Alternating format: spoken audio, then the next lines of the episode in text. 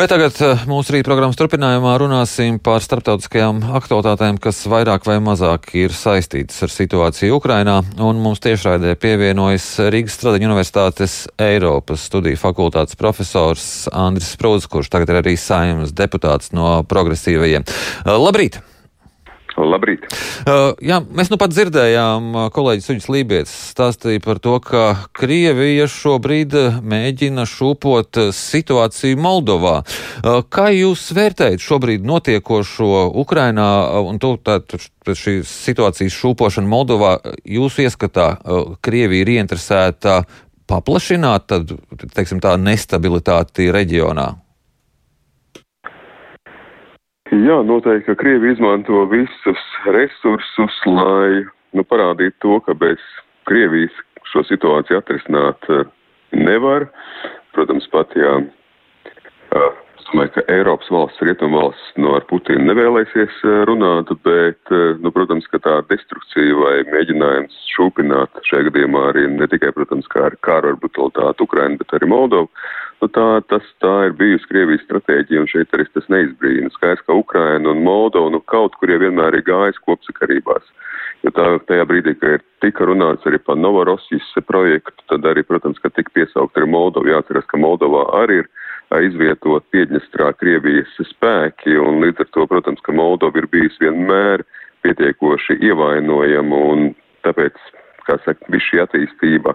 Uh, neizbrīna, un tas nozīmē, ka arī Eiropai ar rietumiem nu jāpieiet, eh, teiksim, arī dienas kārtībā plašāk gan Ukrainai, gan Moldovai, un ir tas atbalsts, kas ir bijis Moldovai, nu arī jāturpina, jāturpina sniegt, jo, jo, jo skaidrs, ka šī nestabilizācijas, teiksim, tālaik paplašināšanās, nu tā nav izdevīga nevienam, arī tā skaitā Eiropai.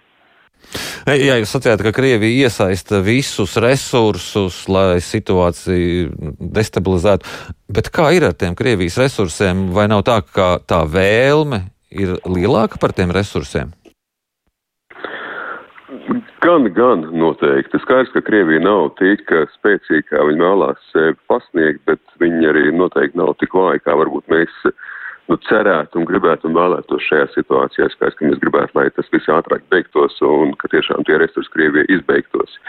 Bet, ja mēs skatāmies gan uz, teiksim, militārajiem spēkiem, nu šajā gadījumā mēs pat teikt, zinām, veidā arī tāda lielgabalda gaļa, kas notiek arī mobilizācijas kontekstā, gan tajā ziņā, ka šie resursi nu, ir tādi, ka Krievija īpaši nežēlo arī, ka viņi zaudē arī cilvēku dzīvības, nežēlojot uh, citu. Uh, tautu cilvēku dzīvības, bet nu, tā vien izskatās, ka viņiem īpaši arī neinteresē, protams, viņu pašu cilvēku dzīvības. Un uh, skaidrs, ka arī cits teiksim, tā resursi, nu, kā tā pati enerģētika, ir Krievijai pietiekoši, teiksim, tā nozīmīga, un mēs jau redzam, ka viņi ar to spēlē ne tikai attiecībā uz Ukrainu, ne tikai attiecībā uz Moldovu vai citām postpadomu valstīm, bet arī attiecībā uz, uz Eiropas valstīm, nu, kā mēs arī dzirdējām no iepriekšējā sižeta, tad ir arī beizniecības Eiropā, kas patiesībā, kur palielinās cilvēku skaits, eh, respektīvi, kas arī netieši apliecina, ka ir zināmas ekonomiskās intereses, eh, kas varbūt pat stiprinās kaut kādu valsts starpā pat šajā sankciju režīmā. Nu, es negribētu teikt stiprinās, bet kas noteikti arī savu lomu nezaudē, un šeit noteikti energoresursi spēlē nozīmīgu vietu.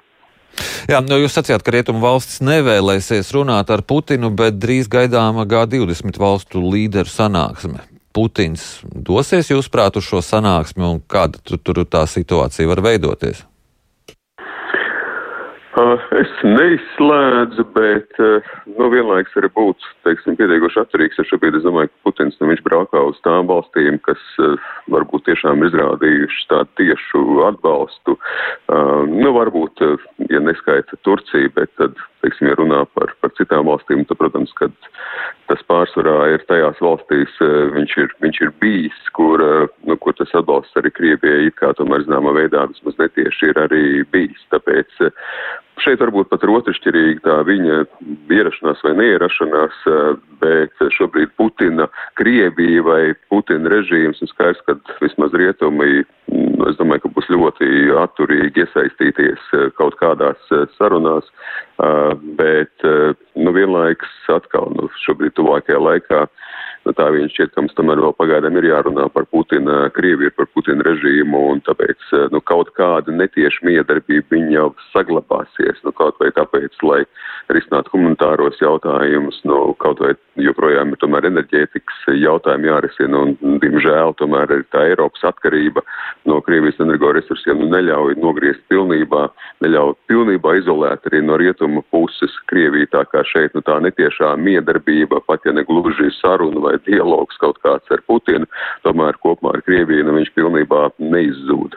Nu, jāsaka, ir daļai diemžēl, jo šajā situācijā tā nostāja, protams, ka būtu bijis jābūt, nu, cik vien iespējams, izolējošākai attiecībā uz, uz to režīmu, uz to rīcību, ko šobrīd nu, Putina režīma vadībā arī Krievija realizē. Bet uh, īsumā, kāds tad jūs uh, prognozējat, kāds varētu būt šīs uh, G20 sanāksmes rezultāts? Ja to ir iespējams par pateikt? Uh, tu G20 tomēr jāsaka, ir, ka ir dažādas valstis, un tāpēc nu, es domāju, ka šeit nu, tas, kas attiecās uz Ukrainu, noteikti būs nu, uzstādījumi par to, ka šī situācija ir jānormalizē, pēc iespējas ātrāk šeit jāatrod risinājums, ja tā var teikt, kad jāizbeidz konflikts, bet nu, es arī neizslēdzu to, ka attiecībā uz Ukrainu un uz Krievijas agresiju Ukrainā, ka šeit tomēr būs salīdzinoši mm, izaicinoši atrast eh, vienprātības starp valstīm, valstis, kuras tieši tā, nu, ir tomēr mm, arī šajā G20 iet, ietvarā dažādas. Nu, to noteikti būs vispārīgi arī paziņojumi attiecībā uz to, noteikti būs arī paziņojums to, ka ir jārisina tā skaitā, piemēram, graudu jautājums, eh, zināmā kaut kādā tomēr miedarbībā, ka šeit, protams, ir šie humanitārie jautājumi ir jārisina, bet eh, skaidrs, ka šeit nebūs viennozīmīgi nostāja, jo G20 ir, uh, ir, teiksim, nu tomēr dažādas valsts iekļaujošas. Mm -hmm. Bet jāatcerās arī, ka G20 formātu es nepārvērtētu. Ir bieži šis te teiciens, ka G20 ir pārāk liela, lai tā būtu efektīva, bet G20 ir vienlaikus pārāk maza, lai tā būtu globāli leģitīma. Mm -hmm. Tā kā G20 iekrīt kaut kur starp G7 un arī ANO dalību valstīm 193, un, protams, ka katram formātam ir savas priekšrocības, un G20 nenoliedzam tā priekšrocība ir tā, tas ekonomiskais spēks, tās lielākās pasaules ekonomikas, bet vienlaiks, nu, tā tomēr nav arī globālā vidu, un mēs varam teikt, ka tādu globālo leģitimitāti kaut kādām aktivitātēm mm. tomēr beig beigās par to liecina arī apvienoto nāciju balsojumi, kur absolūti Krievija ir bijuši vienmēr neizdevīgi Jā. vai, vai tiksim, nērti. Jā. Pēc nedēļas ir ASV kongresa vēlēšanas. Kādas tur ir prognozes un cik šis rezultāts var būt nozīmīgs mums un starptautiskai sabiedrībai? Uh, Te ir noteikti divas daļas. Viena daļa ir teiksim, tāda, ka mm, parasti jau uz šiem te uh, starpposmu prezidenta vidustermiņā uh, ir prezidentam tendence, ka tie ir rezultāti nelabvēlīgi. Mm, parasti ir šis svāsta princips, ka prezidentūras vidū, nu, zināmā veidā ir arī, zinām, neapmierinātība jau sakrājusies, un uh, līdz ar to šeit nav nekāds pārsteigums, ka visticamāk, vismaz kongresā, tomēr dominēs republikāņi. Par senātu vēl tur tas ir tāds zināms nāža asmens ir. Respektīvi, tā kā šeit es varbūt neizdarītu kaut kāds tāds milzīgs, nu, teiksim tā, ka tas uzreiz mainīs ASV politiku. Noteikti, ka nē, tomēr ar kopumā mēs skatāmies starptautisko ASV politiku, tad viņai tomēr ir bijusi, zināmā veidā, pietiekoši liela permanence, bet tā otra monētas puse ir tāda, ka, nu, kaut kur jau tas trāms mums fonā ir. Un arī šīs te vēlēšanas potenciāli parāda to, ka republikāņi nekur nav pazuduši un ka pat republikāņiem, kuriem ir zināmā veidā arī joprojām tāda izaicinājuma ar to, kas tad uzņemsies to līderību, un Trumps joprojām ir pietiekoši, saka, šīs līderības eh, tuvu stāvošs un redzams viens no pārstāvjiem, un respektīvi, nu nevar izslēgt, ka tas jau ir, zinām, tāda, zinām, prelūdija jau nākošajām prezidenta vēlēšanām. Mēs tomēr redzam to, ka ir jautājumi, kuros tieši tā no republikāņu pozicionējas. Tā ir šobrīd gan inflācija, gan, protams, kriminogēnā situācija. Un, protams, tā ir bijusi vienmēr spēcīga arī Trumpa tāda nostāja, un, respektīvi, Baidens ir nav populārs uz šo konkrēto brīdi, tāpēc nevar izslēgt, ka 2020, nu, teiksim tā, 5. un 6. gadā, ka mēs no 24. gadā jau, bet, principā, 25. gadā jau prezidents tā kā nāk pie vārds, kad, nu, mēs nevaram izslēgt arī Trumpu, un tas, protams, ka radīt papildus jautājums par ASV starptautisko nostāju.